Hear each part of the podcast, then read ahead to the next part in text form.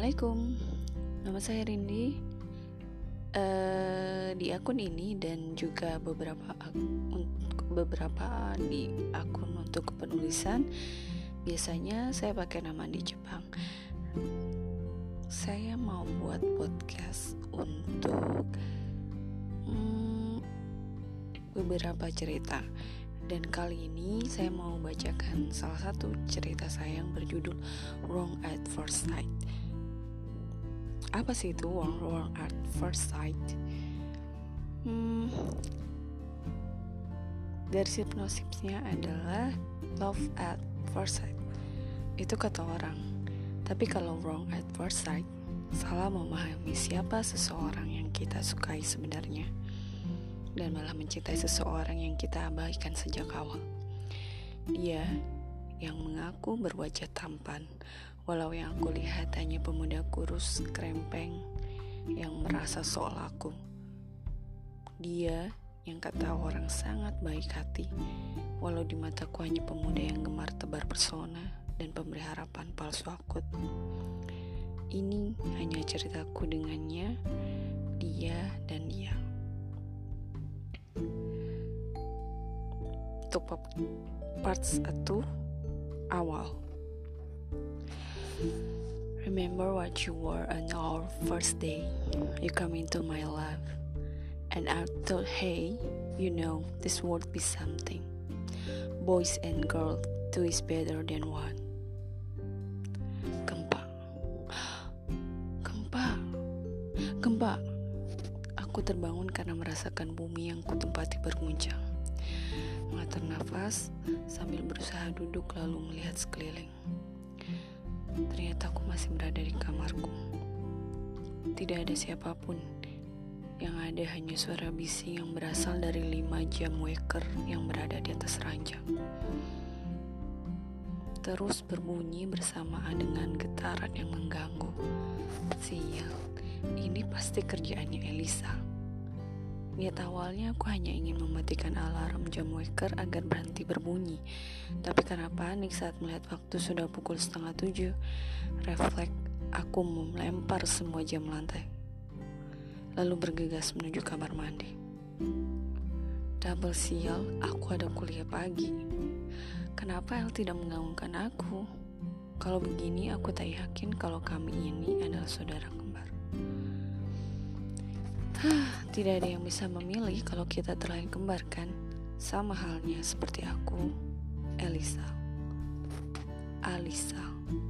Saat tadi dalam kandungan aku tak sendiri, ada Elisa bersamaku. Sepintas kami memang tampak serupa, tapi kenyataannya kami jauh berbeda 180 derajat. Dilihat dari sikap, penampilan, dan kebiasaan kami. Aku melihat jam dinding. 5 menit lagi pukul 7. Aku harus segera bergegas. Ada kuis pagi ini yang dimulai dari pukul 8. El sedang berbicara dengan mama saat aku menuruni tangga. Pasti dia sedang mengadu tentangku. Dasar tukang adu. Tuh, kamu baru turun. El, gak boleh ngomong gitu ah. Kami hanya tinggal bertiga jadi setiap hari mama selalu jadi penengah antara aku dan El. Al, sini sarapan dulu. Ajak mamaku seraya menyusun hidangan untuk sarapan. Aku langsung melewati mereka yang sedang duduk berhadapan di meja. Al langsung berangkat ya mah, udah siang. Tolakku halus cara mencium tangan mama. Sekelas aku melirik El yang sedang menyuap nasi goreng ke mulutnya. Lo mau ikut gua gak El? El menggeleng. Nanti ada yang jemput gue kok. Ah, aku baru gas keluar rumah. Saat aku menaskan motor ninja kesayanganku, di depan pagar sudah terparkir mobil SUV berwarna merah. Pemiliknya keluar dan bertanya, Permisi, Elnya ada? Another man. Seriously? Di minggu yang sama.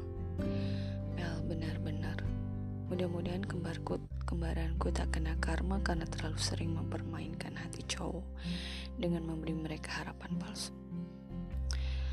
Sebelum ku jawab, cowok itu agak kaget melihat wajahku. Ya, aku sudah bilang kan kalau kami kembar, tapi rambut El dan aku berbeda jauh.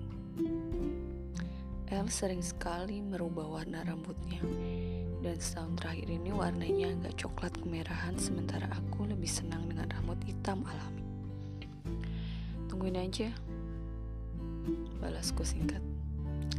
Aku menutup pagar rumah sebelum berangkat ke kampus dan cowok itu hanya diam melihatku pergi. Waktu sudah menunjukkan tengah malam saat motorku berhentikan. Angin yang menyenap mengenai tengguk terasa dingin. Suara bising dari knalpot motor dan riuh manusia yang berteriak dan sekedar mengobrol menjadi satu. Aku menengok ke kanan dan ke kiri, barulah sadar kalau aku dikelilingi banyak orang, dan mayoritas adalah cowok. Mungkin wajar kalau aku baru saja memenangkan balapan yang diikuti lima orang, dan keempatnya adalah cowok. Hai, aku menoleh karena sepertinya ada seorang yang menyapaku. Suaranya lembut, aku jadi penasaran siapa si pemilik suara ini. Gue gak nyangka loh kalau lo itu cewek. Cowok itu tersenyum sambil mengulurkan tangannya padaku. Kenalin, nama gue Rai. Alamak, manis banget ini cowok. Langsung bepinya itu loh, tolong dikondisikan. Aku belum sesaat sebelum tanganku juga ikut menerima jabatan tangannya. Al, ucapku gugup. Apa kita pernah ketemu? Rasanya wajah lo gak asing. Cowok itu di depanku masih tersenyum sambil membetulkan letak kacamatanya. Aku menghadikan bahu, mungkin. Ketemu setiap hari dengan cowok kaya Rai sudah pasti aku tidak akan menolak. Atau kita satu kampus? Tanyanya lagi. Bisa jadi, senyumnya menular padaku. Rai kembali tersenyum hingga langsung kedua di pipinya muncul. Tapi lu keren bisa ngalahin temen gue. Jadi salah satu dari empat cowok tadi temennya. Thanks. Biasanya aku tidak akan senang ini bila dipuji. Tapi lo berlebihan lah Rai. Gue lagi beruntung aja. By the way, teman lo yang mana? Hey, gue yakin kita satu kampus dan tiba-tiba ada cowok dari anta beranta yang muncul di antara kami. Entah mungkin dari negara api. Boleh minta nomor HP-nya nggak? Senyumku sirna ketika tidak sopan. Main asal minta aja lagi. Eh, aku menatap tak suka cowok aneh berambut jabrik yang baru saja muncul ini. Maksudnya? Dia tersenyum tanpa dosa memamerkan deretan giginya. Mataku langsung menatapnya dari atas hingga ke bawah.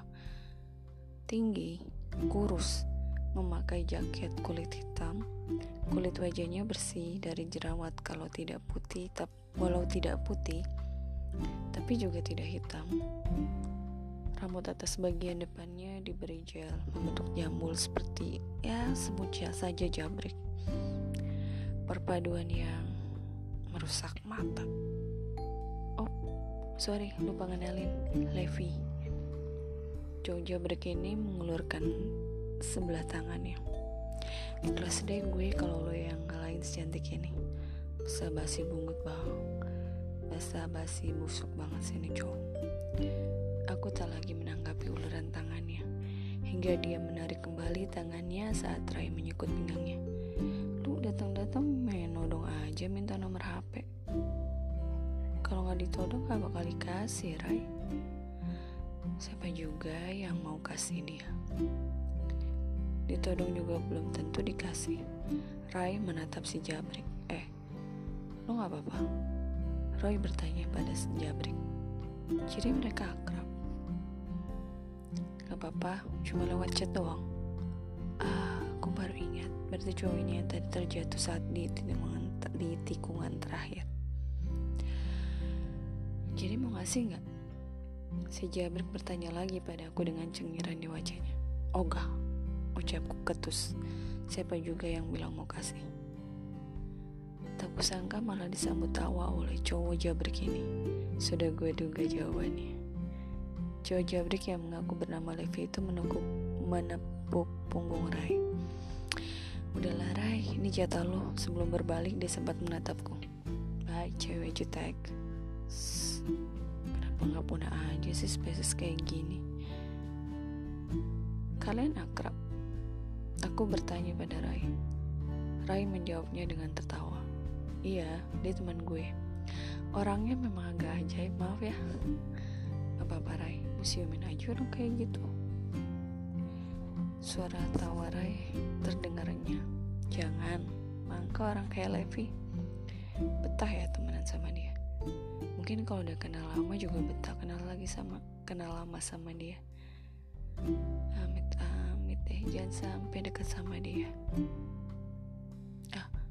udah jam segini. Mungkin lo mau balik?